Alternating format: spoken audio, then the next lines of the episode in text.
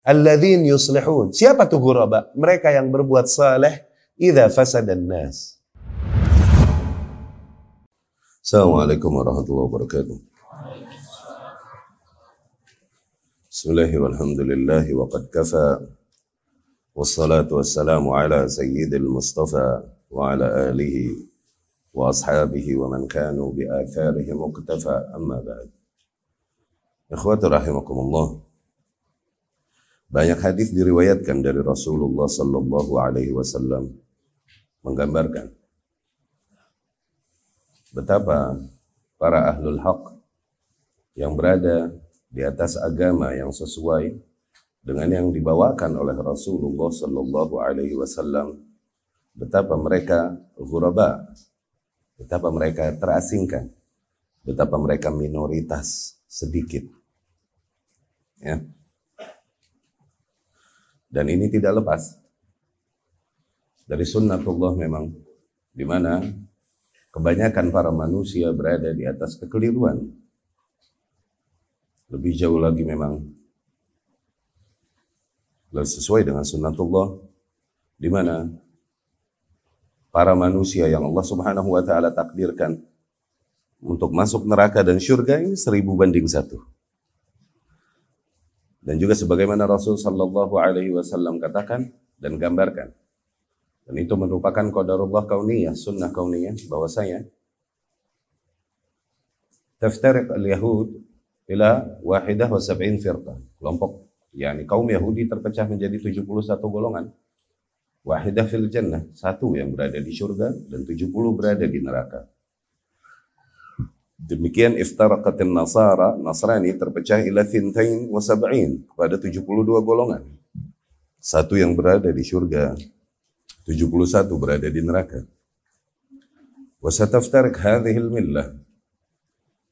Dan demikian juga agama ini akan terpecah ila thalath wa sab'in, pada 73 golongan. Kulluha finnar, kesemuanya berada di neraka illa wahidah, kecuali hanya satu golongan. Nas-nas demikian menggambarkan bahwa betapa memang mereka yang berada di atas kebenaran. Bahwa, bahwa mereka bahwa, bahwa betapa mereka yang berada di atas yang hak yang sesuai dengan yang dibawakan oleh Rasulullah sallallahu alaihi wasallam dan rasul-rasul terdahulu yang diutus kepada kaum-kaum terdahulu sedikit dibandingkan dengan jumlah keseluruhan manusia. Demikian juga banyak dari hadis uh, dari dari riwayat-riwayat yang diriwayatkan dari Nabi Sallallahu Alaihi Wasallam mengkhabarkan kepada kita, menggambarkan kondisi tersebut yang kelak akan terjadi pada umatnya, yakni umat Islam. Demikianlah materi yang akan kami sampaikan pada kesempatan kali ini yang berjudul Ghurbatud wa Ahlu. Ya, keterasingan agama, ini agama yang hak dan betapa orang-orang yang memeluk agama yang hak adalah orang-orang yang terasingkan. Fi sahihil jami' an Anas. Di dalam sahihil jami' dari Anas, yakni Ibnu Malik radhiyallahu anhu dari Nabi sallallahu alaihi wasallam. Nabi bersabda, "Ya'ti 'ala nasi zamanun as-sabiru fihi 'ala dinihi kal qabid 'ala al-jamar." Kelak datang kepada manusia sebuah zaman di mana mereka yang bersabar bertahan di atas agamanya adalah sebagaimana mereka yang menggenggam bara api yang begitu diuji dengan ujian yang berat sebagaimana seseorang yang menggenggam bara api. Dan diriwayatkan juga oleh Imam Ahmad rahimahullah di dalam musnadnya dari Abu Hurairah radhiyallahu anhu beliau berkata bahwasanya Rasulullah sallallahu alaihi wasallam bersabda Wailul lil Arab Celakalah bagi bang, celakalah para bangsa Arab. Min syarrin qad iqtarab. Dari keburukan yang semakin mendekat. Fitanan kakita'il lailil muzlim. Fitnah-fitnah yang banyak. Yang begitu gelap. Bagaikan gelap gulitanya malam. Yusbihur rajulu mu'mina wa yumsi kafira. Betapa seseorang di pagi hari ia beriman kepada Allah Subhanahu wa taala namun di sore hari ia telah kafir kepada Allah Subhanahu wa taala. Yani begitu besarnya fitnah. Baik fitnah syubhat ataupun fitnah syahwat yang dihadapi seseorang Sehingga saudara kita yang kita ketahui dia di sore hari beriman kepada Allah Subhanahu wa taala, ternyata di pagi harinya ia telah berubah agama. Atau sebaliknya, di pagi hari kita kenal ia beriman kepada Allah Subhanahu wa taala, ternyata di sore hari ia telah berubah agamanya, telah meninggalkan agama yang hak. Yabi'u dinahu bi'aradin minad dunya. Ia jual agamanya dengan sedikit nikmat dunia. Al-mutamassiku yawma idzin bidinih. Di masa itu, orang yang berpegang teguh kepada agamanya, kal qabid 'ala al-jamr. Itu bagaikan mereka yang menggenggam bara api Auqal ala syauk atau Rasul berkata sebagaimana seseorang yang menggenggam duri. Hadis ini disahihkan oleh Al-Arnaut rahimahullah dan di dalam riwayat Al-Imam At-Tirmidzi rahimahullah Rasul bersabda, "Ya'ti 'alan nasi zamanun as-sabiru fihim." Kelak akan datang kepada para manusia sebuah zaman di mana mereka yang bersabar bertahan di atas agamanya ala dini kal qabid ala al-jamr sebagaimana mereka yang menggenggam bara api. Sahahahu Al-Albani. Hadis ini disahihkan oleh Syekh Al-Albani rahimahullah. Dari hadis-hadis ini dapat kita tangkap mengapa mereka para ahlul haq berjumlah sedikit. Karena memang akan datang sebuah zaman, di antaranya zaman yang kita hidup padanya, di mana seseorang yang bertahan mempertahankan nilai-nilai agama pada dirinya akan menghadapi gelombang-gelombang ujian akan menghadapi gelombang-gelombang fitnah yang dahsyat. Baik fitnah-fitnah tersebut berupa fitnah syubhat ataupun fitnah-fitnah yang berupa syah, syahwat. Sehingga dengan mudah seseorang meninggalkan idealisme dan keyakinannya yang dia yakini. Kita kenal seseorang dia di pagi hari beriman kepada Allah, ternyata di sore harinya ia telah berubah. Murtad meninggalkan agama yang hak tersebut. Atau sebaliknya, di sore hari ia kenal, ia, kita kenal ia beriman kepada Allah, ternyata di pagi hari ia telah jual agamanya dengan sedikit dari nikmat-nikmat dunia. Betapa harga yang kecil bagi seseorang untuk menjual keselamatan dirinya kelak di akhirat.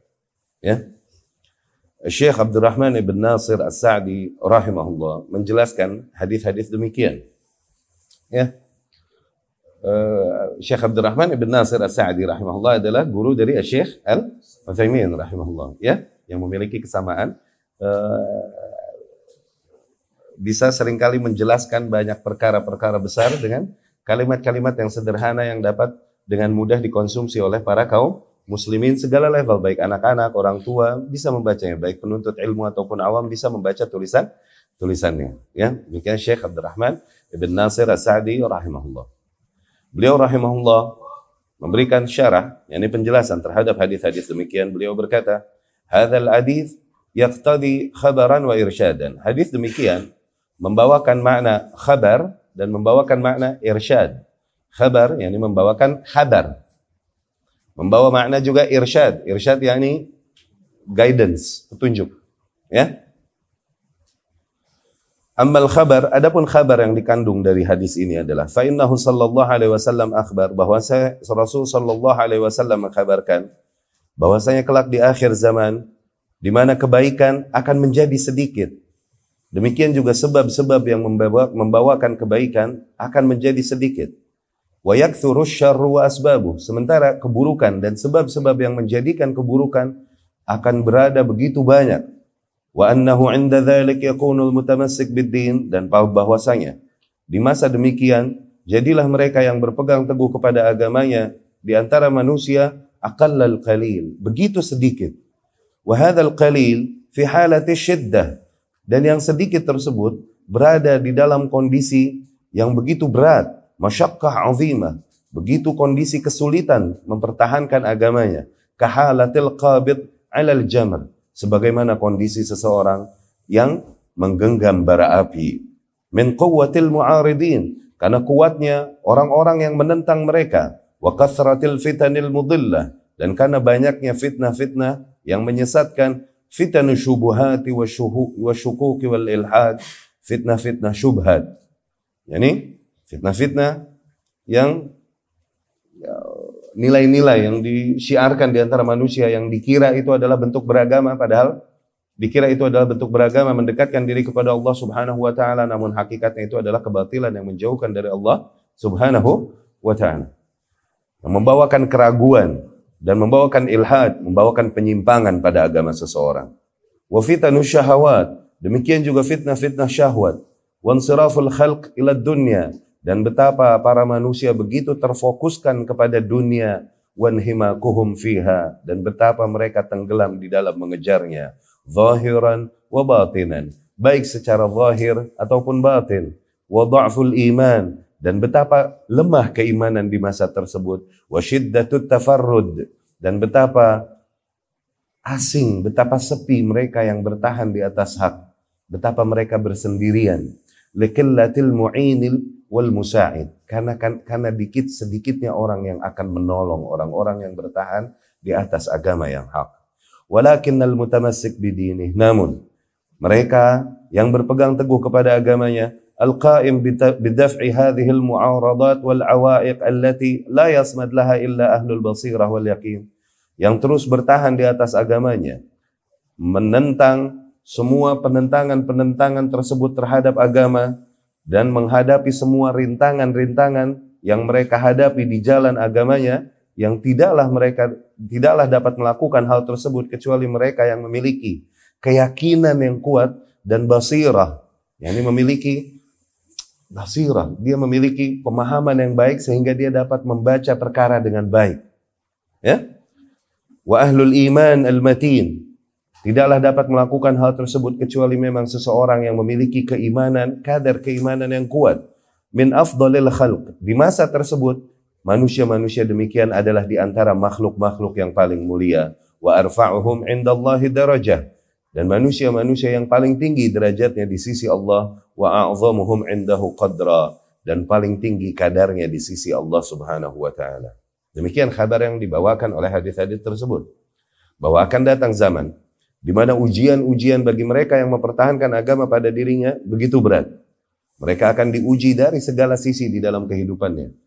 Dan akan sedikit mereka mendapatkan pertolongan dari para makhluk yang memiliki mindset yang sama, memiliki keyakinan yang sama. Susah mereka mendapatkan pertolongan demikian karena banyaknya manusia berpaling dari yang hak dan mengikuti arus-arus fitnah dan baik dari syubhat dan syahwat tersebut.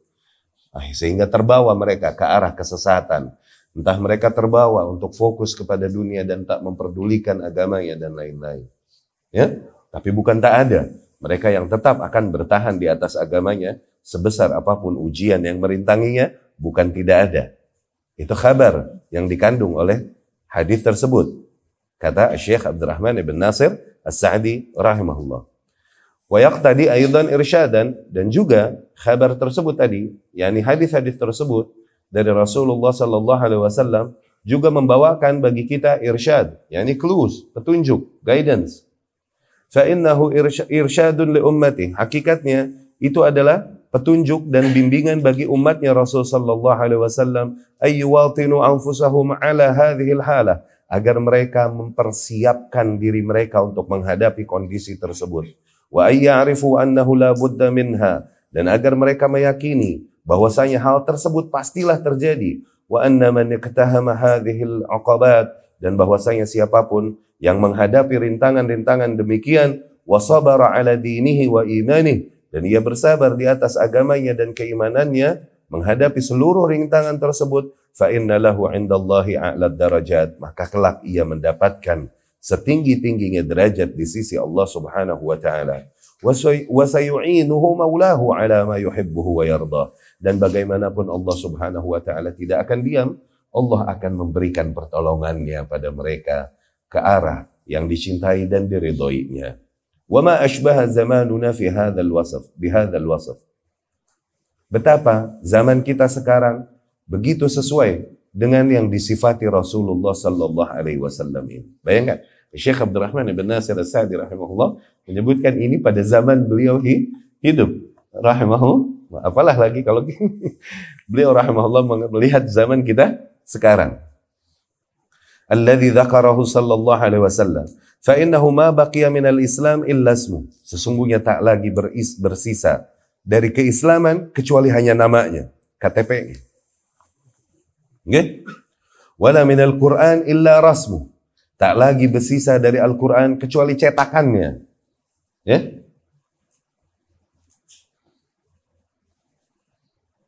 Imanun dha'if. Betapa keimanan manusia begitu lemah. Wa qulub mutafarriqah. Betapa hati-hati manusia tercerai belah, tercerai berai. Wa hukumat mutasyattitah. Betapa pemerintahan-pemerintahan Islam terpecah belah menjadi negara-negara yang banyak. Wa adawat wa baghdha ba'adat bainal muslimin. Dan permusuhan-permusuhan dan kebencian-kebencian saling terus menjauhkan di antara kaum muslimin. Wa a'da zahiruna wa batinun. Dan musuh-musuh Islam yang terus merongrong baik dari luar ataupun dari dalam tubuh umat Islam. Ya'maluna sirran wa alana. Mereka terus mengusahakan propagandanya, baik yang terang-terangan ataupun yang tersembunyi lil qada 'ala din untuk menghancurkan agama yang hak ini. Wa ilhad wa madiyat, belum lagi pemikiran-pemikiran ateism dan pemikiran-pemikiran material jarafat bi khabithi tayyariha wa amwajiha al-mutalatimah asyuyukha aw. Pemikiran-pemikiran demikian dengan mudah menyeret para anak-anak umat baik anak-anak mudanya ataupun orang-orang tuanya wa diayat ila fasadil akhlaq dan betapa banyak seruan-seruan kepada akhlak-akhlak yang buruk, kepada perangai-perangai yang buruk wal qada ala baqiyatir ramak Thumma iqbalun nas ala zakharifid dunya. Kemudian di masa yang sama, di waktu yang sama juga para manusia begitu mereka terfokuskan kepada dunianya bihaitsu asbahat hiya mablagh ilmihim sehingga dunia jadilah tujuan dari keilmuannya. Yani di masa sekarang seseorang menuntut ilmu patokannya adalah apa? Agar dengan itu dia nanti bisa mencari uang, menjadi pegawai dan mencari uang. Ilmu buat manusia sekarang adalah Tujuannya untuk earnings, untuk menghasilkan dari nikmat-nikmat dunia duniawi. Ya, tidak lagi ilmu berbicara tentang keselamatannya dia kelak di dunia wala di di akhirat, tapi bagaimana dia bisa menghasilkan dinar dan dirham dengan ilmu yang ia pelajari itu. Itulah yang menjadi patokan dan tujuan dari ilmu mereka. Wa akbar himamihim. Betapa dunia menjadi keresahan terbesar mereka yang paling mereka resahkan dan perjuangkan adalah nikmat-nikmat dunianya. Walaha yardun wa yaghdabun. Mereka membangun wala dan bara karena dunianya. Memusuhi seseorang karena kepentingan dunia. Bersahabat dengan seseorang karena kepentingan dunia. Wa di'ayah khabithah litazhidi fil akhirah wal iqbal bil kulliyah ala ta'mir dunya wa tadmir din. Kemudian ada lagi yang bergerak menyerukan pada zuhud-zuhud. Kehidupan-kehidupan zuhud. Namun, namun kehidupan-kehidupan tersebut, seruan-seruan tersebut pun hakikatnya batil. Tidak hak. Tidak di atas konsep yang hak. Ya? Wal iqbal bil kulliyah ala ta'mirid dunya. Dan begitu fokus manusia terfokus perhatian manusia terfokuskan seluruhnya untuk menghidupkan dunianya wa tadmirid din dan menghancurkan agamanya wahtiqar wastihza bid din dan mencela-cela bahkan meremehkan agamanya. Wa ma yunsab ilaih dan mencela-cela dan meremehkan segala nilai-nilai yang berkaitan dengan agama. Wa fakhr wa fakhfakhah wa istiqbar bil madaniyat al mabniyah ala al ilhad. Dan betapa mereka membanggakan diri dengan modernitas modernitas yang dibangun di atas konsep menafikan Tuhan. Dibangun di atas konsep ateisme allati atharaha wa syururuha qad syahadahu al-ibad. Yang di mana efek buruknya telah banyak disaksikan oleh para manusia. Fama hadhihi syurur al-mutarakimah. Dan seiring keburukan-keburukan yang bertubi-tubi ini wal amwaj al-mutalatimah. Seiring dengan ombak-ombak tadi fitnah dan syubhat, syubhat dan syahwat yang terus silih berganti wal, wal muz'ijat al-mulimmah. Dan seiring dengan rintangan-rintangan ya yang mengganggu. Wal fitanil hadirah wal mustaqbalah wal mudlahamma wal mudlahimma dan fitnah-fitnah yang kelak akan terjadi baik di masa ini ataupun di masa yang akan datang. Ma'hadhil umur wa ghairiha. Seiring dengan semua kondisi tersebut tajid misdaq hadzal hadis niscaya kau akan temukan betapa benarnya kabar yang disebutkan oleh Rasulullah sallallahu alaihi wasallam di dalam hadis-hadis tersebut Ya. Walakin ma'dzalik tapi Seiring dengan itu pun, fa innal mu'min la yaqnut min rahmatillah. Seorang mukmin yang memang benar beriman dengan baik, mereka takkan pernah putus asa dari rahmat Allah, wala yayas min rauhillah. Tak mereka takkan mereka putus asa dari pertolongan Allah Subhanahu wa taala, wala yakunu nadharuhu maqsuran 'ala al-asbab adh-dhahirah. Tidaklah pandangannya dan harapannya hanya berpatokan pada sebab-sebab yang zahir, bal yakunu mutalaffitan fi qalbihi kulla waqtin ila musabbibil asbab yang ada terus mereka terfokuskan harapannya hatinya kepada zat yang menjadikan yang maha menjadikan segala se sebab. Begini. Ini ada sedikit yang perlu dijelaskan, ya. Uh, seorang mukmin nggak boleh dia bersandar kepada sebab. Dia diperintahkan untuk menjadikan sebab, tapi nggak boleh dia menyandarkan hatinya keyakinannya kepada sebab tersebut. Dia harus menyandarkan hati dan keyakinannya kepada zat yang maha menjadikan segala sebab, yakni Allah subhanahu wa ta'ala. Rizki. Allah subhanahu wa ta'ala perintahkan kita, Allah Allah subhanahu wa ta'ala kabarkan bahwasanya rizki kita telah diatur. Wa fis sana'i rizqukum wa. Di, di langitlah rizki kalian dan apa-apa yang kalian dijanjikan, ya ini udah ada di langit. Udah. Allah udah kabarkan melalui Rasul yang sallallahu alaihi wasallam. Tapi however, gimana pun kita diperintahkan untuk menjadikan sebab-sebab datangnya riz, rizki. Yaitu apa? Bekerja, jangan diam. Tinggalkan sifat malas. Ya kan? Datangkan, sebab-sebab baik, sebab-sebab yang sifatnya sebab-sebab syar'i atau sebab-sebab kauni. Sebab-sebab syar'i doa kepada Allah Subhanahu wa taala atau sebab-sebab kauni yakni berusaha, berdagangkah atau keluar, keluar rumahkah mengerjakan tugasnya dan amanahnya dan lain-lain yang dari situ seseorang mendapatkan penghasilannya dan lain-lain itu menjadikan se sebab. Namun nggak boleh kita bilang kita punya rezeki ini dari mana? Karena kerjaan yang kita lakukan. Lah, nggak boleh. Itu namanya bersandar kepada se sebab. Kita bersandar kepada zat yang maha menjadikan sebab. Karena bagaimanapun sebab yang kita lakukan adalah juga bentuk taufik dari Allah subhanahu wa ta'ala. Nah, maka kita bersandar kepada zat yang menjadikan segala se segala sebab. Yani Allah subhanahu wa ta'ala. Jadi aku punya rezeki dari mana? Dari Allah. Nah, Diperintahkan kita menuntut ilmu. Ya, betul. Nah, kemudian keilmuan dan penguasaan ilmu yang ada pada kita dan lain-lain. Apakah karena kekuatan kita di dalam belajar? Lah, nggak boleh. Karena Allah subhanahu wa ta'ala lah yang emang membukakan pintu keilmuannya pada kita. Nah, diperintahkan kita untuk Allah maha penyembuh, Allah syafi. Begitu kan? Tapi diperintahkan kita untuk menjadikan sebab-sebab kesem kesembuhan. Dengan banyak sebabnya, bisa sebabnya herbs, herbal-herbal, bisa sebabnya rukyah, tuh. Bisa sebabnya berobat ke dokter. Ini di antara sebab-sebab yang diperbo diperbolehkan. Nah diperintahkan kita untuk lakukan sebab-sebab ini. Sebab-sebab yang disyariatkan ini. Yang tidak melanggar syari syariat. Diperintahkan kita untuk meninggalkan sebab-sebab yang melanggar syari syariat. Pergi ke dukun. Ah, itu sebab yang melanggar syari syariat. Suruh cari rezeki. Lakukan sebab-sebab yang sesuai dengan syariat. Apa? Kerja. Tuh, jangan nyopet. Ini sebab melanggar syari syariat.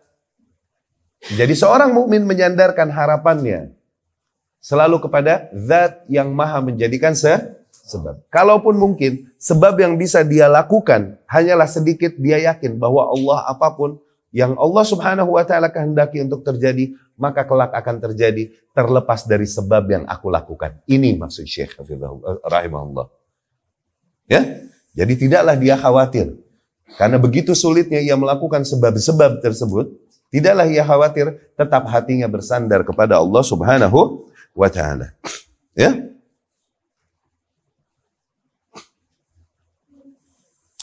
Al-Karim Al-Wahhab. Ini saya hatinya senantiasa terarah di setiap waktu kepada zat yang menjadikan segala sebab. Zat yang maha mulia lagi maha pemurah. Wa yakunul farj baina ainai sehingga dengan itu solusi berada di hadapan matanya.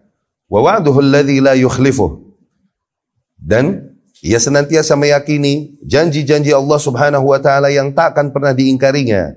Bi annahu sayaj'alullahu ba'da usri yusra. Bahwasanya Allah Subhanahu wa taala selalu menjadikan menjanjikan bahwasanya setiap setelah sebuah kesulitan pasti akan ada kemudahan Allah janjikan demikian.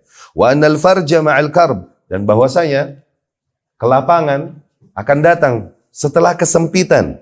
Wa anna tafrijal kurbat ma'a syiddatil kurbat wa hulul al-mufadhi'at dan bahwasanya solusi-solusi akan datang setelah seluruh permasalahan-permasalahan yang menimpa kita. Itu janji Allah Subhanahu wa taala. Fal mu'min, maka seorang yang beriman di masa demikian, masa-masa ujian demikian, man yaqul adalah mereka yang senantiasa berkata di dalam kondisi demikian, la haula quwwata illa billah. Tiada daya, tiada kekuatan kecuali hanya ada pada Allah Subhanahu wa taala. Mereka senantiasa mengatakan, wa hasbunallahu wa ni'mal wakil. Sungguh cukup Allah bagi kami. Sungguh betapa senikmat-nikmatnya zat yang kami serahkan seluruh perkara kepadanya. Alallahi tawakkalna. Hanya kepada Allah lah kami berserah. Allahumma lakal hamd. Wahai Allah, sungguh hanya milikmu lah segala pujian. Wa ilaikal mustaka. Dan hanya kepadamu lah tempat mengeluh. Wa antal musta'an. Dan hanya engkaulah tempat memohon pertolongan. Wa bikal mustaghath wa la hawla wa la quwwata illa billahil aliyyil azim. Wa yaqumu bima yakdir alaih. Maka seorang yang beriman dalam kondisi demikian, ia tahu apa yang harus dilakukan. Ia akan terat, dia akan tetap melakukan dan mengusahakan apa pun yang masih berada di dalam ranah kemampuannya minal iman dari bentuk-bentuk keimanan. Ini iman yang diyakini ahlu sunnah. Awas, mencakup keyakinan, ucapan dan amalan fisik. Kalaupun diuji dan sulit kita melakukan nilai-nilai keimanan ini, mereka tahu bahwa sebesar apa pun ujian yang ditimpakan toh Allah Subhanahu wa taala la yukallifullahu nafsan illa wus'aha. Allah tak membebani manusia di luar kemampuannya. La yukallifullahu nafsan illa ma ataha. Allah tak bebani manusia e, dengan perkara-perkara yang di luar kemampuan yang Allah berikan kepada mereka. Ya, seorang mukmin mengetahui hal tersebut. Maka ia tetap menjalankan dan melakukan nilai-nilai keimanan sebatas kemampuannya. Wan nush wa da'wah. Tetaplah ia menyampaikan nasihat dan nasihat dan tetaplah ia menyerukan manusia yakni kepada yang hak wa yaqna bil yasir idza yam idza lam yumkinil kathir. Mereka akan senantiasa puas bersyukur dengan yang sedikit ketika memang tidak mungkin mendapatkan yang banyak. Wa bizawal ba'd wa bizawal ba'di syarri wa, wa takhfifih. Mereka akan bersyukur apabila dapat mengurangi sedikit keburukan atau menurunkan kadar keburukan kalau mereka tak bisa menghilangkan semua keburukan tersebut. Ya? Idza ta'azzara ghairu. Apabila mereka tak mampu menghilangkan semua keburukan, minimal mereka bisa mengurangi keburukan tersebut. Demikian seorang boh Demikian seorang mukmin sebisa mungkin sebatas kemampuannya mereka terus berusaha dan bersandar kepada Allah Subhanahu wa taala. Allah berfirman, "Wa may yattaqillaha yaj'al lahu makhraja." Barang siapa yang bertakwa kepada Allah, niscaya Allah akan berikan solusi baginya. At-Talaq ayat 2. Allah pun berfirman, "Wa may yatawakkal 'ala Allah fahuwa hasbuh." Barang siapa yang bertawakal kepada Allah, maka Allah akan mencukupinya. At-Talaq ayat 3. Dan kemudian Allah berfirman, Wa may yattaqillaha yaj'al lahu min amrihi yusra. Barang siapa yang bertakwa kepada Allah, niscaya Allah Subhanahu wa taala akan jadikan dari perkaranya mudah. Ya.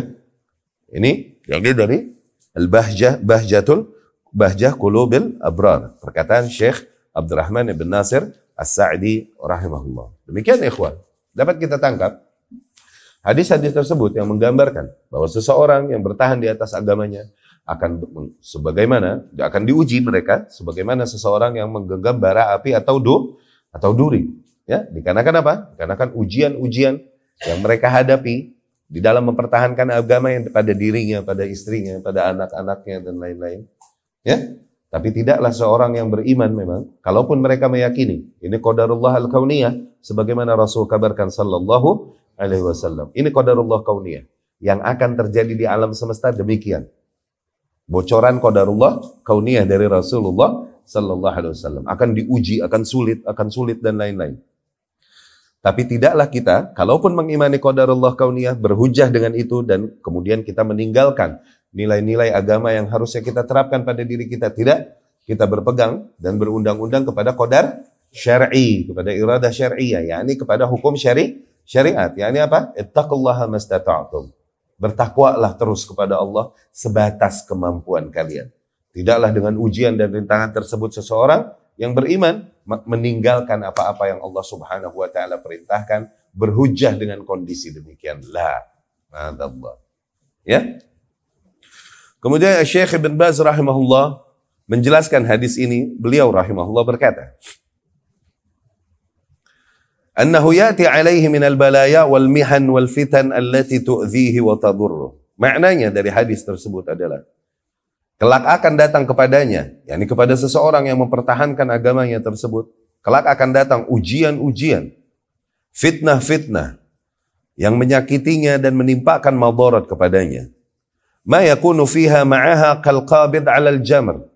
Begitu berat hal tersebut sehingga kondisi orang demikian bagaikan seseorang yang menggenggam bara api min syiddati sabrihi ala dinihi ala imanihi wa thabatihi alaih. Dikarenakan begitu beratnya seseorang bersabar di atas agamanya, mempertahankan keimanannya dan mempertahankan keteguhannya di atas agama.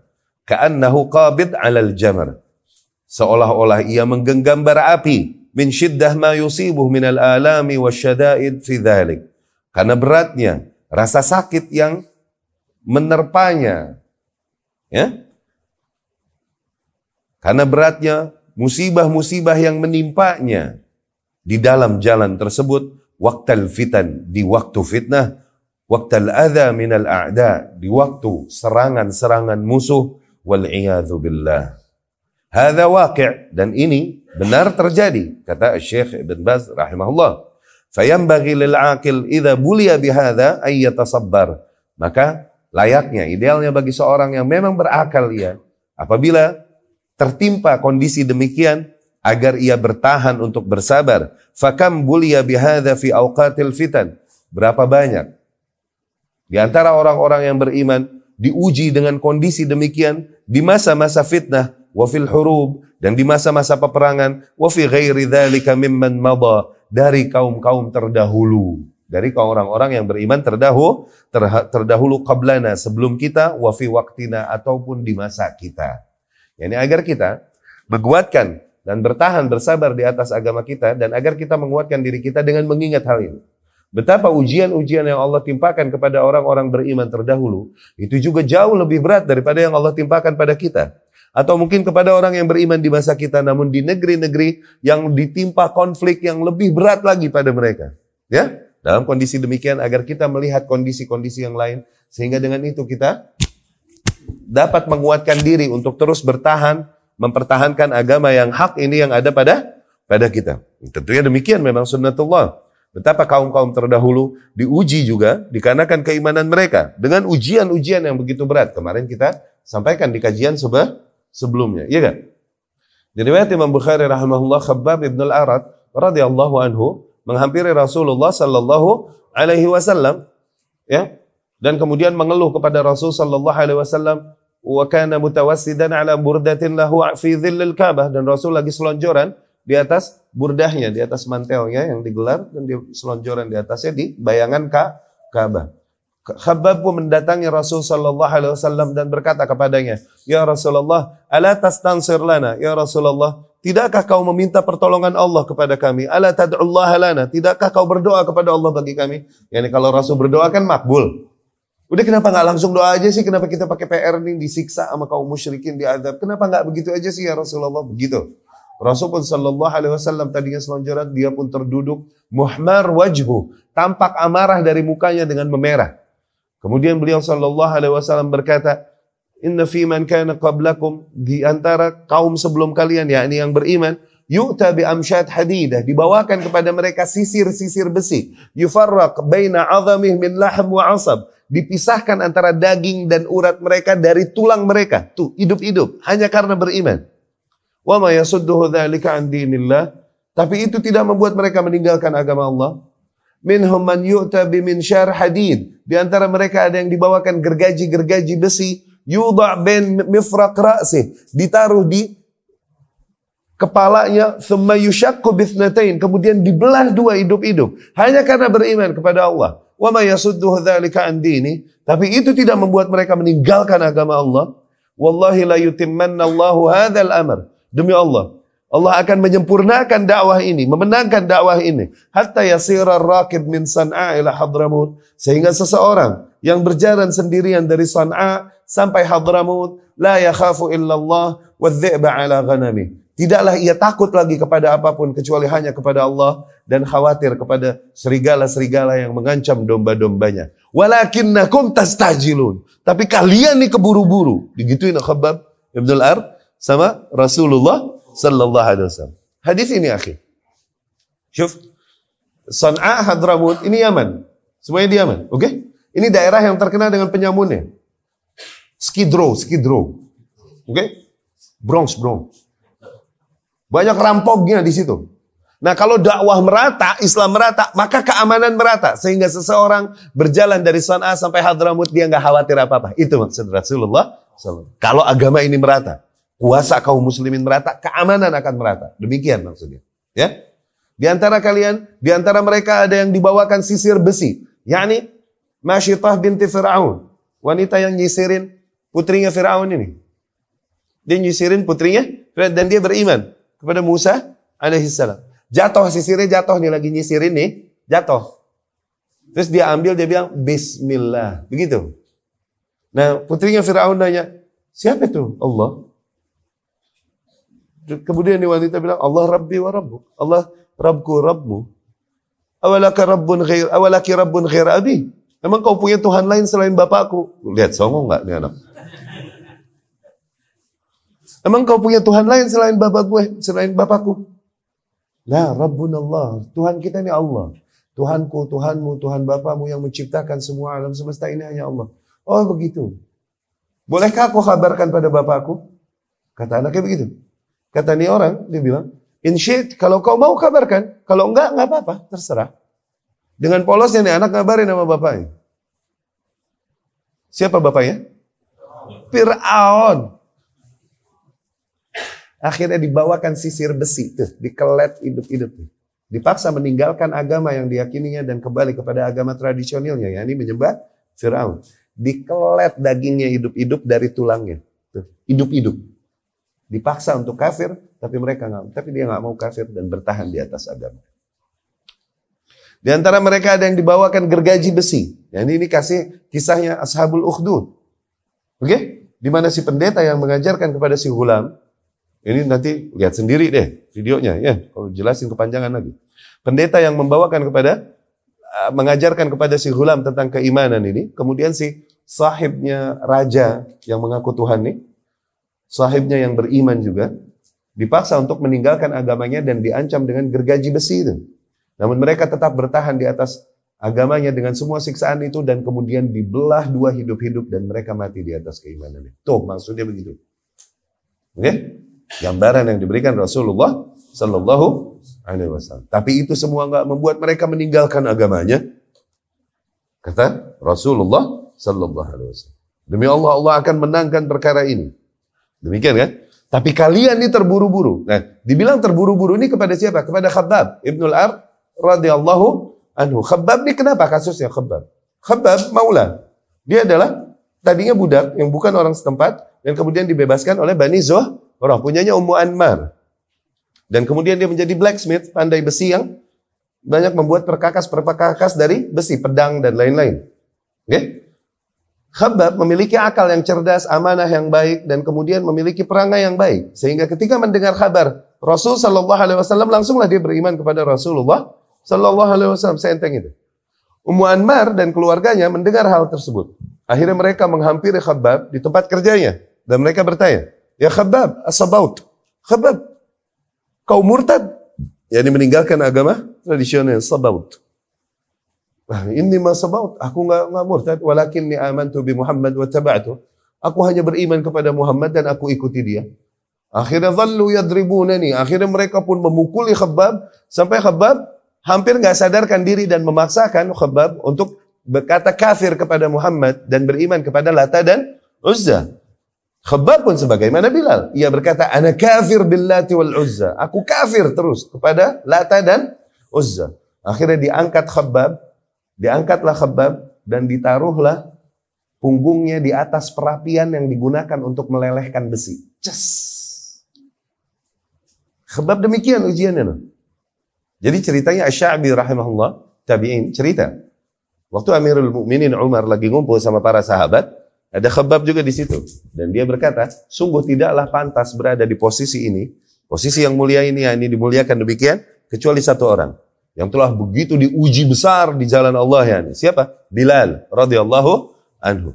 Kata Khabbab di situ, tidak tidak ya Amirul Mukminin.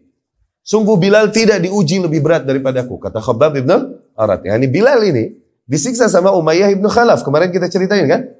Di Ramda Makkah, di padang pasir Makkah dibuka bajunya dan ditidurin.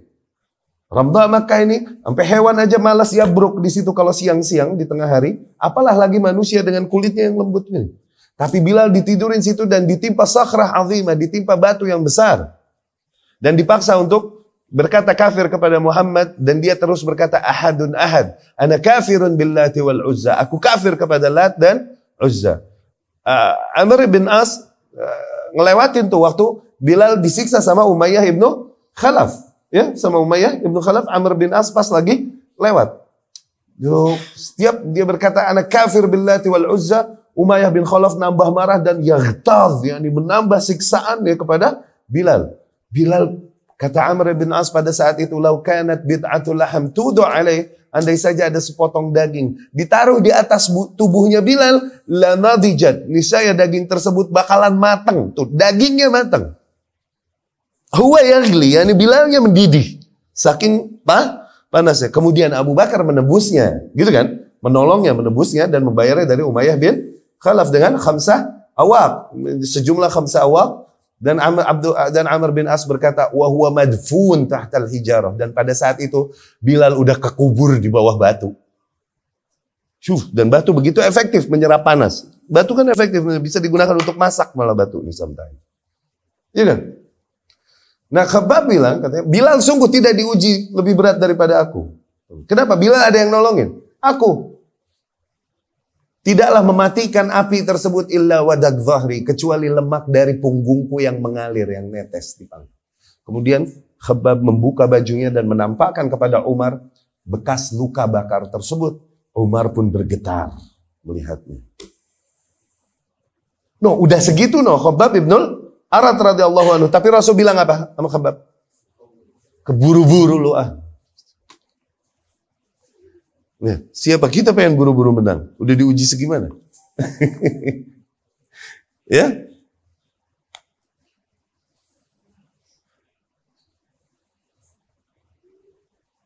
Ya. Falhasil, Syekh bin Baz rahimahullah berkata, maka kesimpulannya anna man ibtuliya fi ayyi zamanin alaihi ay yasbir. Hakikatnya kata Syekh bin Baz rahimahullah kesimpulannya maka siapa pun di antara orang yang beriman diuji, di zaman apa pun dia diuji, maka agar ia bersabar. Qad yubtala mimman yamna'uhu minas salah. Di antara ke orang yang beriman, ada yang diuji sehingga dia dilarang solat. Ada yang diuji sehingga ia dilarang solat dan kemudian disakiti apabila ia melakukan solat. Di antara mereka ada yang diuji dan disakiti apabila ia berpuasa. Maka agar ia bersabar. Dan agar ia terus melaksanakan solat dan puasanya kalaupun dengan diam-diam. Fa'idha fi dhalik la.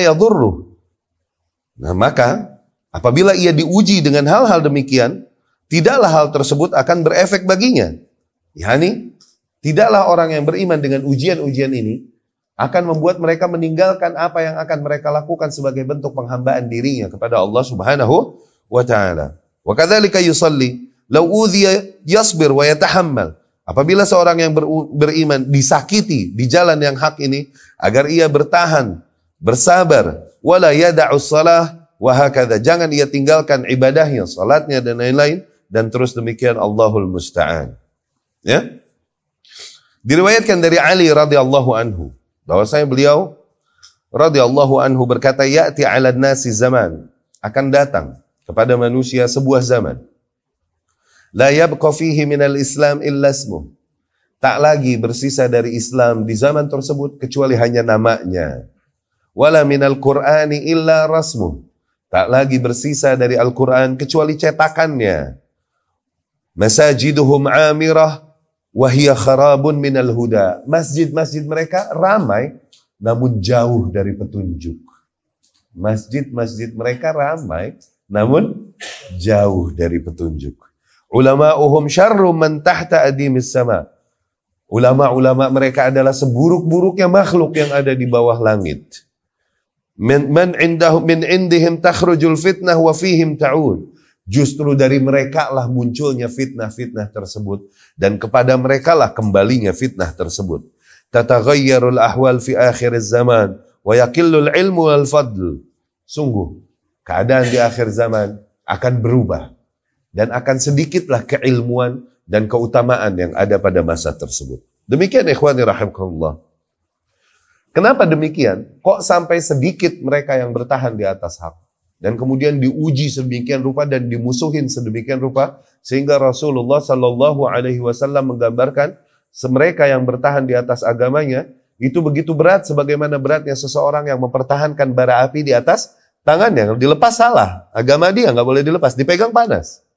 Ya, ini hakikatnya juga tidak lepas dari karena ilmu yang semakin sedikit dan hilang dari umat dan kemudian kejahilan yang justru lebih merata dan lebih banyak tersebar di antara oh umat. Tak tak lepas dari hal tersebut. Sehingga manusia sering kali mengira apa-apa yang mereka kira sebagai bentuk agama mendekatkan diri kepada Allah Subhanahu wa taala, namun hakikatnya itu tidak demikian, justru menjauhkan dari Allah Subhanahu wa taala. Dan dengan itu mereka memerangi orang-orang yang menyerukan kepada kemurnian agama dan apa yang memang benar dibawakan oleh Allah dan Rasulnya Sallallahu Alaihi Wasallam. Karena tak lagi sesuai dengan selera mereka. Tak lagi sesuai dengan selera kaum mereka. Ya, tak lagi sesuai dengan hawa nafsu mereka. Ini digambarkan di dalam banyak hadis. Di antaranya hadis yang diriwayatkan Abdullah bin Amr bin As radhiyallahu anhu di Imam Bukhari dan Muslim. Radhiyallahu di Imam Bukhari dan Muslim rahimahumullah. Rasulullah sallallahu alaihi wasallam bersabda, "Inna Allah la yaqbidul ilma intiza'an yaqbiduhu min sudurin nas." Sesungguhnya Allah tak akan menghilangkan ilmu dari para manusia ini dengan cara merenggutnya begitu dari manusia. Tidak. Ilmu yang ini apa yang sesuai dengan qala Allah qala Rasul yang sesuai dengan maksud Allah dan Rasul yang sallallahu alaihi wasallam. Agama, cara memahami agama yang hak. Ini yang dibilang il, ilmu. Nah, ini nih hilang dari umat bukan dengan cara Allah merenggutnya begitu, enggak. Tapi dengan cara apa? Allah merenggutnya, menghilangkan ilmu dari umat dengan cara apa? Dimatikannya para ulama yang memang para ahli ilmu yang mengenal kebenaran yang datang dari Allah dan Rasulnya makin dikit, makin dikit, makin asing. Hatta idza lam yabqa alimun atau hatta idza lam yubqi aliman di sanad lain. Sehingga ketika tidak bersisa seorang alim pun atau sehingga tidak Allah sisakan seorang alim pun ittakhadhan nasu ru'usan juhala. Mulailah manusia menjadikan para pemuka-pemuka kejahilan sebagai patokan mereka. Huh ini yang dimaksud mereka yang seburuk-buruknya makhluk yang ada di bawah lah di bawah langit. Seolah-olah menyeru kepada aga, agama namun hakikatnya menjauhkan manusia dari agama. Ittakhadhan nasu ru'usan juhala. Mereka jadikan orang-orang ini sebagai patokan. Fasu'ilu. Mereka ditanya tentang pertanyaan agama, permasalahan agama. Fa'aftau bi ghairi ilm. Berani mereka memfatwakan tanpa ilmu. Fadallu wa adallu. Sehingga semakin tersesat dan tersesatkanlah mereka. Ya. Kemudian juga diriwayatkan oleh Imam Bukhari dan Muslim rahimahullah dari Abu Wa'il. Qal ia berkata, "Kuntu jalisan ma Abdullah yakni Ibnu Mas'ud wa Abi Musa yakni Al-Asy'ari radhiyallahu anhu." Satu hari aku lagi duduk-duduk bersama Abdullah dan Abu Musa. Kata Abu Wa'il rahimahullah. Aku lagi duduk-duduk bersama Abdullah ibnu Mas'ud dan Abu Musa al-Ash'ari radhiyallahu anhu. Faqala dan kemudian mereka berdua berkata bahwasanya Rasulullah sallallahu alaihi wasallam bersabda, "Inna min baini yaday sa'ah ayyaman." Sesungguhnya kelak di dekat-dekat hari kiamat akan ada masa-masa yurfa'u fiha ilm yang di mana ilmu di masa tersebut dihilangkan. Wa yunzalu fiha jahl dan justru diturun, diturunkan di, di masa tersebut kejahilan. Wa yakthuru fiha haraj dan akan terjadi banyak haraj. Akan terjadi banyak haraj. Haraj yakni apa? Yani al-qatl. Pembunuhan sembarangan. Pembunuhan sembarangan. Ini semakin dekatnya hari kiamat. Di sana lain Rasul bilang sampai hatta hatta la yadri al-qatil fi ma qatal wa la yadri al-maqtul fi ma qutil. Sehingga seseorang yang ngebunuh nggak nggak lagi dia tahu kenapa aku ngebunuh. Yang dibunuh ini nggak tahu kenapa gue dibunuh. Sampai begitu nanti. Ya, Permusuhan yang sampai nggak jelas sehingga seseorang membunuh, nggak tahu dia alasannya, seseorang dibunuh nggak tahu dia alasan. Ya. Dan diriwayatkan Imam Bukhari dari Abu Hurairah radhiyallahu anhu. Nabi sallallahu alaihi wasallam bersabda, "La taqumus sa'ah." Tidak akan terjadi hari kiamat hatta yuqbadal ilm sehingga direnggut keilmuan, yakni ditiadakan keilmuan dari umat. Sehingga para umat sendiri tidak tahu mana yang hak yang memang sesuai dengan maksud Allah dan Rasulnya Sallallahu Alaihi Wasallam. Tidak akan terjadi hari kiamat sehingga direnggut keilmuan. Watakthuru az-zalazil dan kemudian banyak terjadi gempa-gempa. Oh, gempa di antara dekatnya hari kiamat berarti banyak ya ender, ya lini, gempa-gempa. Wa zaman dan waktu cepat berlalu. Ya taqarab zaman, zaman semakin dekat, yakni waktu cepat berlah, berlalu.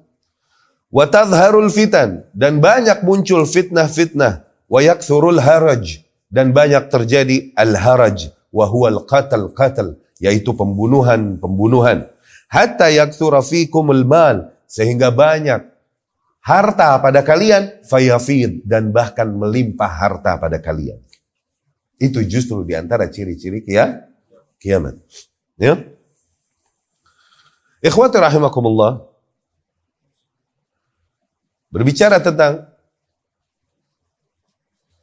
ujian yang ditimpa oleh yang yang yang, yang dihadapi, ditimpakan kepada orang-orang yang beriman, bertahan, sabat di atas agamanya. Tidak lepas dari berbicara tentang semakin sedikitnya ilmu sehingga manusia mengetahui sehingga manusia mengi, justru mengikuti kejahilan bukan mengikuti il, ilmu dan malah memusuhi ilmu dan para ahli ilmu justru. Oke? Okay? Nah berbicara demikian tidak lepas memang dari keterasingan Islam. Ya, ini keterasingan Islam yang hak, yang murni sebagaimana datang dibawakan oleh Rasulullah Sallallahu Alaihi Wasallam. Sehingga kita bisa dapat menghubungkan kenapa semua itu terjadi satu sama lain. Ini hakikatnya memang sepaket, sepaket. Dan Rasulullah Sallallahu Alaihi Wasallam sebagaimana yang dikatakan oleh para salaf, telah menghabarkan semua hal yang akan terjadi sampai hari kiamat. Yang ingat-ingat, yang lupa-lupa. Wa mata'irun yaqlib bi janahaihi fis sama illa walana khabar minhu illa illa wana illa walana anhu khabar min Rasulullah sallallahu alaihi wasallam. Bahkan tidaklah seekor burung pun mengepakkan sayapnya di langit kecuali pasti kita punya kabar tentang hal itu dari Rasulullah sallallahu alaihi wasallam. Ya, dan betapa beruntung mereka yang meniti petunjuk dan mengumpulkan petunjuk yang datang dari Rasulullah Sallallahu Alaihi Wasallam dikarenakan ia memperdulikan keselamatan dirinya di dunia maupun di akhir di akhirat. Sehingga dia mencari apa yang memang datang dari petunjuk Rasulullah Sallallahu Alaihi Wasallam. Ya, berbicara demikian memang tidak berbicara demikian memang tidak terlepas dari berbicara yang sebagaimana kita tekankan awal tadi. Keterasingan agama yang hak memahami agama, cara memahami agama yang hak, ya, sebagaimana datangnya dari Allah dan Rasulnya Sallallahu Alaihi Wasallam. Mereka banyak yang mengaku beriman kepada Allah, kepada Rasulnya, kepada kitabnya, banyak. Banyak yang mengaku memeluk agamanya, namun cara mereka memahaminya tidak sesuai dengan yang datang diajarkan Rasulullah Sallallahu Alaihi Wasallam. Ya, sehingga terasinglah mereka yang mengikuti metode beragama atau manhaj yang memang datang dari Rasul Sallallahu Alaihi Wasallam. Terasing. Dan karena asing dan berbeda dengan umumnya manusia, otomatis dimusuhi dan dibully. Pasti. Ya? Ibnu Taimiyah rahimahullah ketika membicarakan keterasingan, Al-Imam rahimahullah membawakan sebuah ayat dan ini menampakkan betapa pemahamannya yang mendalam tentang ayat-ayat Al-Quran dan hadis-hadis Rasul Sallallahu Alaihi Wasallam. Allah Subhanahu Wa Taala berfirman, فلو كان من القرون من قبلكم أولو بقية ينهون عن الفساد في الأرض إلا قليلا ممن أنجينا منهم واتبع الذين ظلموا ما أترفوا فيه وكانوا مجرمين Maka mengapa tidak ada dari umat-umat yang sebelum kalian dahulu orang-orang yang mempunyai keutamaan, yakni orang-orang yang punya akal dan pemahaman yang baik, yang mengingkari kerusakan di muka bumi. Kecuali hanya sebagian kecil di antara orang-orang yang telah kami selamatkan di antara mereka, yakni dari pengikut para nabi yang kami utus. Ya, yang setiap nabi dan rasul yang Allah utus alaihi wassalatu wassalam pengikutnya yang beriman kepadanya itu sedikit. Banyak yang manusia kufur kepadanya sehingga dari situ Allah turunkan azab dan azab ke atas mereka. Yang mengikutinya itu hanya sedikit dari dulu. Ya? Dan orang yang zalim hanya mementingkan kenikmatan yang dilimpahkan ke atas mereka. Mereka nggak memperdulikan itu. Mereka hanya mementingkan kehidupan duniawi dan bunga-bunganya, nikmat-nikmatnya. Dan mereka adalah orang-orang yang mujrimin, yang berbuat dosa. Surat Hud ayat 116. Demikian digambarkan memang sunnatullah. Sejak dari zaman ke zaman. Rasul berkata sallallahu alaihi wasallam, seorang nabi ada yang ngikutinnya seumat. Seorang nabi ada yang ngikutinnya cuma berapa orang. Ada yang empat orang, ada yang tiga orang, ada yang dua orang. Musa alaihi salam, eh, Isa alaihi salam yang beriman kepada dia ini cuma berapa hawari? Dua belas. Itu pun berkhianat satu. Iya kan?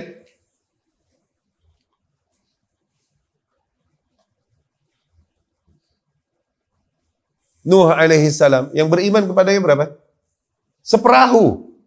Cuman seperahu nih. Dakwah 950 tahun.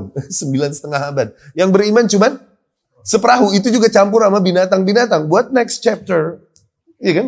Buat babak kehidupan bumi selanjutnya. Iya kan? Sedikit. Di antara nabi ada yang dua orang. Di antara nabi dia yang dibangkitkan cuma satu orang pengi, pengikut. Di antara nabi ada yang dibangkitkan tanpa pengikut sama sekali bahkan kata Rasulullah sallallahu Maka ahlul hak yang memang mengikuti nabi sedikit nggak aneh. nggak aneh. Ya? Wa ahlu sunnah alladzina yumayyizunaha min ahli al-ahwa wal bid'ah fahum ghuraba. Nah demikianlah ahlu sunnah. Yang membedakan, yang terbedakan mereka dari para ahlul bid'ah ya, yang beragama sesuai dengan hawa nafsu mereka tuh. Ahlu sunnah itulah yang dimaksud dengan ghuraba. Orang-orang yang terasingkan. Wadda'una ilaiha asabiruna ala adhal mukhalifina hum ashad haula ghurba. Dan di antara ahlu sunnah yang memang bergerak untuk berdakwah menyerukan manusia kepada kepada sunnah itu lebih lagi ghuraba. Lebih sedikit lagi. Jadi ahlu sunnahnya dikit. Dan ahlu sunnah yang emang berdakwah menyeru manusia. Kepada hak yang mereka yakini. Dan mengingkari kebatilan yang ada. Itu asyaddu ghurbah. Lebih sedikit lagi. Lebih asing lagi. Nggak? Walakin haulahum ahlullahi haqqa. Tapi mereka lah itu hakikatnya ahlinya Allah. Fala ghurbata alaihim. Dikarenakan mereka bersama Allah, maka hakikatnya mereka tidak bersendirian. Wa inna ghurbatuhum bainal aktsarin. Keterasingan mereka dan sedikitnya mereka itu di antara kebanyakan para manusia. Alladzina qala Allahu azza wa jalla fihim yang di mana Allah Subhanahu wa taala toh gambarkan para manusia wa in tuti aktsara man fil ardi yudilluka an sabilillah. Apabila kalian taati, apabila kau taati, ikuti. Apabila kau ikuti. Kebanyakan orang yang ada di muka bumi, niscaya mereka akan menyesatkanmu dari jalan ya Allah. Allah berarti banyak sama dengan sesat dan menyesatkan. Itu artinya gitu. Sedikit sama dengan selamat, artinya begitu. Nah dibilang sedikit dan terasingkan, itu di antara mereka, di antara para manu, manusia. Tapi apakah mereka bersendirian? Tidak, mereka bersama Allah. La ghurbata alaikum. Hakikatnya demikian. Di antara para manusia mereka sedikit terasingkan. Faulaika humul ghuraba Minallah wa rasuluhu wa dini. Dan kebanyakan para manusia itulah yang tersesatkan itu, mereka itu hakikatnya yang terasingkan dari Allah, terasingkan dari Rasulnya, terasingkan dari agamanya. Wa ghurbatuhum hiyal ghurbah al-muhishah wa in kanu humul ma'rufin al-musyar ilaihim. Dan keterasingan mereka, keterasingan para ahlul batil tadi, di mana mereka terasingkan dari Allah, dari Rasulnya, dari agamanya, ini terjauhkan. Oke? Okay? Keterasingan mereka itu adalah keterasingan yang benar-benar menyiksa dirinya. Kalaupun mereka ditunjuk oleh manusia, yakni dielu-elukan oleh manu, manusia. Wafil sahihain dan di dalam riwayat Bukhari dan Muslim dari Abu Hurairah radhiyallahu anhu bahwa saya Rasulullah sallallahu alaihi wasallam bersabda, "Bada al-Islamu ghariban wa sayaudu ghariban fatuba lil ghuraba." Islam dimulai dalam keadaan asing dan akan kembali menjadi asing. Maka berbahagialah bagi mereka orang-orang yang terasingkan. Nah, ini perlu dipertemukan hadis-hadis yang ada. Di mana Rasulullah Shallallahu Alaihi Wasallam di hadis lain berkata, "Yushik an tada'a alaikumul umam kama tada'a al-akalah ala qas'atiha." Hampir datang sebuah masa di mana umat-umat yang ada akan membuli kalian, mengkroyoki kalian, menggerogoti kalian sebagaimana hewan-hewan buas menggerogoti korbannya nih, buruannya, mangsanya. Oke? Okay? Rasul menggambarkan itu akan terjadi nanti. Zen? Ah, sahabat bertanya, Kenapa kok bisa gitu? Kok bisa kita dibully nih? Ya kan? Awamin killatin nahnu yauma idzin ya Rasulullah. Apakah karena jumlah kita nanti sedikit ya Rasulullah di masa tersebut? Rasul bilang sallallahu alaihi wasallam, "La, bal antum katsir." Enggak, justru kalian banyak pada saat itu. Jumlah kalian banyak. Walakin walakin nakum hutha ka hutha isail. Tapi banyaknya kalian adalah bagaikan buih, buih-buih yang ada di laut, di lautan. Yani di pinggir-pinggir pantai kalau kita lihat ombak-ombak nih di sekitar karang-karang itu begitu banyak buih-buihnya kan. Tapi ya, kalaupun banyak begitu, ke bawah arus ke kanan dan ke kiri terangkat dan terhempaskan di karang nggak punya nggak punya kekokohan terus ikut ke mana arus memba membawanya demikian buih kalaupun bah kalaupun banyak syuf dan hadis ini masih panjang tapi yang kita mau pertemukan adalah katanya muslim jadi banyak tapi katanya jadi sedikit kata Rasulullah Sallallahu Alaihi Wasallam bagaimana mempertemukan ini Islam datang dalam keadaan asing dan suatu saat akan kembali menjadi asing. Maka berbahagialah mereka yang terasingkan. Nah, mempertemukannya gimana? Nah, kita memahaminya dengan al itu, ja'a al-Islam. Al ini ada penekanan. Bukan ja'a Islam, bukan Islam datang any Islam, Islam yang mana pun bukan begitu Rasul bilang sallallahu alaihi wasallam. Tapi ada ta'rif di situ, ada ma'rifah. Lagi menegaskan bahwasanya al-Islam. Al-Islam yakni Islam yang ini yang aku datang kepadanya, eh, yang aku datang dengannya. Ada al di situ. Islam yang murni nih, yang aku datang dengannya, itu datang dalam keadaan asing. Ini keterasingan pertama. Yakni di antara kaum musyrikin. Dan suatu saat, yakni Islam yang ini akan kembali menjadi asing. Tapi di antara banyaknya manusia yang bersyahadat. Awas. Di antara banyak yang para kaum muslimin. Keterasingan kedua, al-ghurbah as-saniyah, dibilang gitu, adalah di antara para kaum muslimin. Yang banyak mereka berislam, syahadat, sholat, dan lain-lain. Namun metode berislamnya, nggak sebarang Islam yang aku datang dengannya ini. Tuh gitu. Zen? Ini paham kita maksudnya terasing seperti apa ya?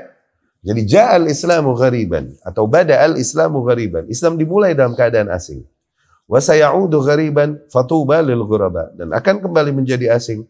Maka berbahagialah mereka yang terasingkan. Hmm, terasingkan yakni mereka yang memeluk metode beragama sebagaimana datang dari Rasulullah sallallahu alaihi wasallam. Islam al-musaffa, Islam yang murni, sebagaimana datangnya dari Rasulullah Sallallahu Alaihi Wasallam yang terjauhkan dari perubahan dan inovasi manusia. Ya, terjauhkan Islam tersebut dari perubahan-perubahan dan inovasi-inovasi manusia. Ya.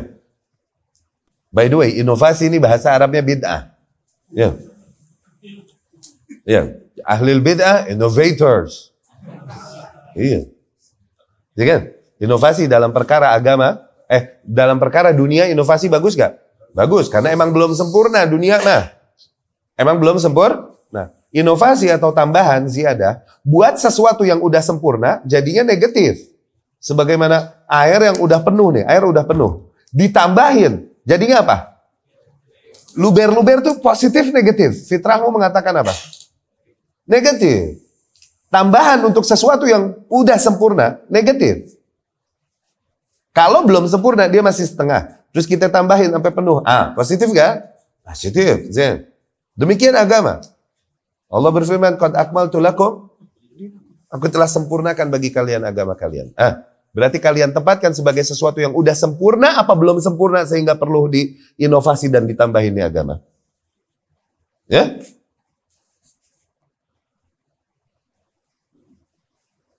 Wa fi silsilah sahihah dan di dalam silsilah sahihah dengan sanadnya dari Sahal bin Sa'ad Sa'idi radhiyallahu anhu. Nabi sallallahu alaihi wasallam bersabda, "Innal Islam bada'a ghariban." Sesungguhnya Islam dimulai dalam keadaan asing. Wa sayaudu ghariban kama bada dan kelak akan kembali menjadi asing sebagaimana di awal mulanya. Fatuba lil ghuraba. Maka berbahagialah bagi orang-orang asing tersebut. Yani orang-orang yang mengikuti kemurnian agama Islam yang dibawakan oleh Rasulullah Sallallahu Alaihi Wasallam. Itu orang asing ya, itu orang asing bukan bule maksudnya. Ya. Kil man hum ya Rasulullah saha eta. Siapa mereka itu ya Rasulullah? Siapa para ghuraba itu ya Rasulullah? Qal Rasul bersabda, "Alladzina yuslihuna idza fasadan nas." Mereka yang berbuat islah ketika manusia berbuat ifsad. Duh, udah kesel ya gue kalau ngomong gitu. Mereka yang berbuat islah saleh ketika manusia berbuat kerusakan. Oke? Okay?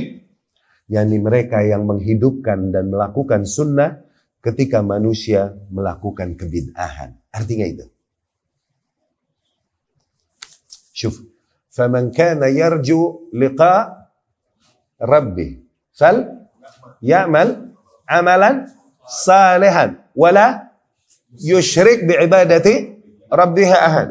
Barang siapa yang berharap untuk bertemu dengan Rabbnya kelak, maka agar dia beramal dengan amal yang saleh dan tidaklah dia mempersekutukan Tuhannya dengan di dalam ibadahnya. Begitu kan? Nah, ini syarat diterimanya sebuah amalan, yaitu apa? Tidaklah ia mempersekutukan Allah, yakni apa tuh? Tauhid syarat pertama. Dan agar ia beramal yang amalan yang saleh, yakni Itiba yang sesuai dengan yang diajarkan Rasul Sallallahu Alaihi Wasallam. Jadi amal saleh adalah amal yang sesuai dengan sun sunnah. Itu define itu definisinya. Zain? Alladzin yuslihun. Siapa tuh guraba? Mereka yang berbuat saleh idza fasadan nas. Mereka yang berbuat saleh, yakni mereka yang berada di atas sunnah melakukan sunnah, menghidupkan sunnah, mendawakan sunnah ketika manusia berbuat kalau kalau berbuat sunnah adalah perbaikan, berbuat islah, maka berbuat bid'ah adalah kerusakan. Tuh, paling tepat diterjemahkan dulu gitu. Alladzina yuslihuna idza fasadan nas. Tuh. Al-ifsad tuh, rusak. Wa fi Wa fi riwayah ukhra fi sahihah dan di riwayat lain. Yang sahih qil dikatakan wa manil ghuraba ya Rasulullah? Siapa para ghuraba tersebut ya Rasulullah? Qal Rasul bersabda nasun salihuna qalilun fi nasin su kathir. Para manusia yang berlaku saleh yang sedikit jumlahnya di antara para manusia yang berlaku buruk yang begitu banyak jumlahnya mayyasihim akthar mimman yuti'uhum.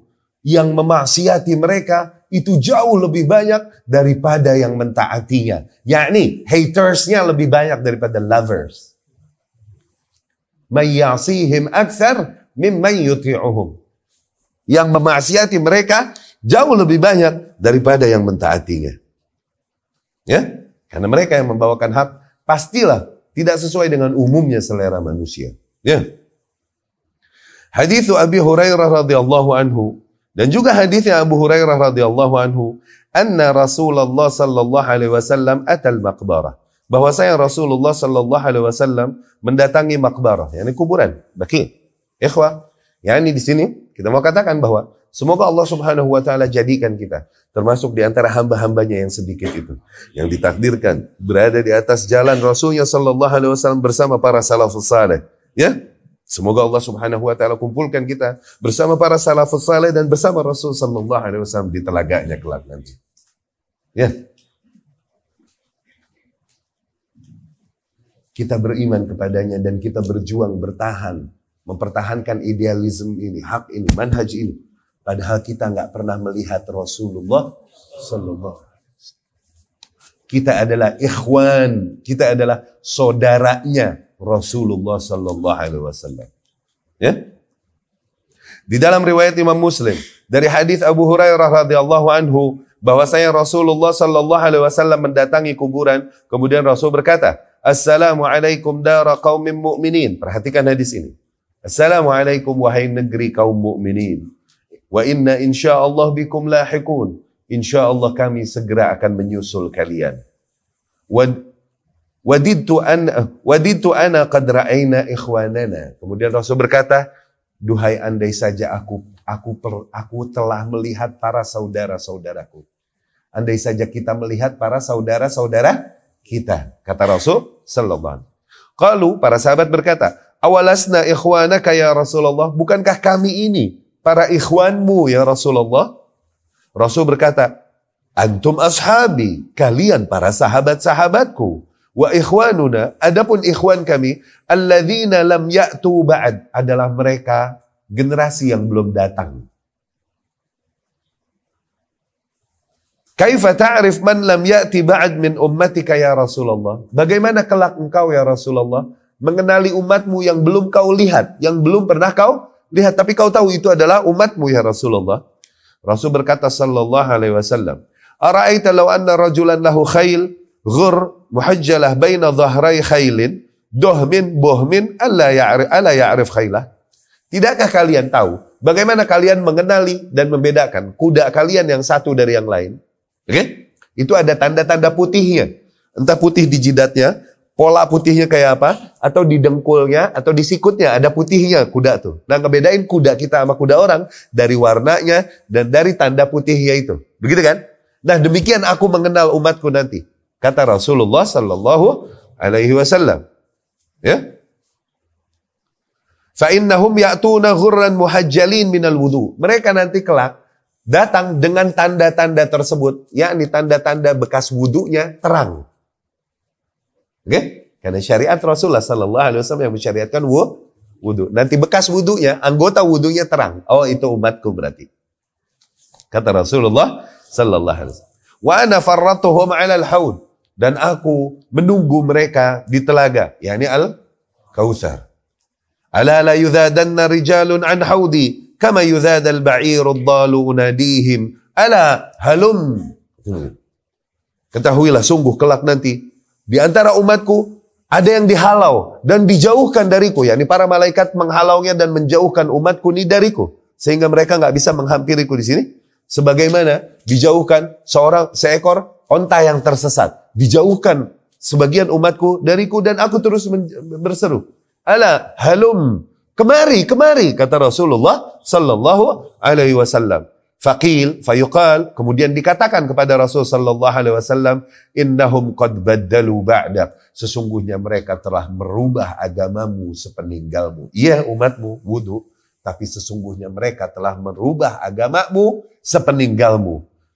Fa'akul, maka aku pun berkata, sohkon, sohkon, yakni ba'id, ba'id, jauh, jauh. Makanya sampai sekarang kalau ada tawon, pahit, pahit. Itu dari ba'id, ba'id. Ya. Jauh, jauh. Di sanad lain, Rasul Shallallahu Alaihi Wasallam ketika sebagian umatnya kok dihalau darinya, dijauhkan. Dia berkata kepada Allah Subhanahu Wa Taala, Ya Rabbi haula ummati, Ya Rabbi itu masih umatku kok, masih umatku. Dikatakan kepada Rasul sallallahu alaihi wasallam, "Innaka la tadri ma ahdatsu ba'dak." Sesungguhnya engkau Muhammad tidak tahu muhdats muhdats yang mereka perbuat sepeninggalmu. Wa kullu muhdatsatin itu di antara syu'mul bidah, dijauhkannya seseorang dari rendezvous, dari berkumpul bersama Rasulullah Sallallahu Alaihi Wasallam. Kalau mereka, kalaupun mereka telah melewati rintangan-rintangan mereka, udah dihisab, udah dimizan, dan udah melewati jembatan, udah tinggal ketemu Rasul. No, di telaga dibalikin lagi ke sono gara-gara ternyata melakukan bid. Padahal udah melewati rintangan-rintangan hari akhir. Tuh. Dibalikin lagi ke sono, dikemanain? Mesti diberesin dulu tuh urusan. Kemanain lagi berarti kalau nggak bisa nyamperin Rasul? Masa disebut wa Huh. Allahumma ja'alna minhum. Semoga Allah Subhanahu wa taala jadikan kita termasuk huh? kaumnya, termasuk kaum dari Rasulnya sallallahu alaihi wasallam yang bertahan di atas jalannya. Huh? Kalaupun kita sedikit, kalaupun may yasihim aktsar mimma. Kalaupun yang memaksiati kita jauh lebih banyak daripada yang menuruti kita. Huh? Kalaupun sedikit, kalaupun dibenci, dicaci, dimaki.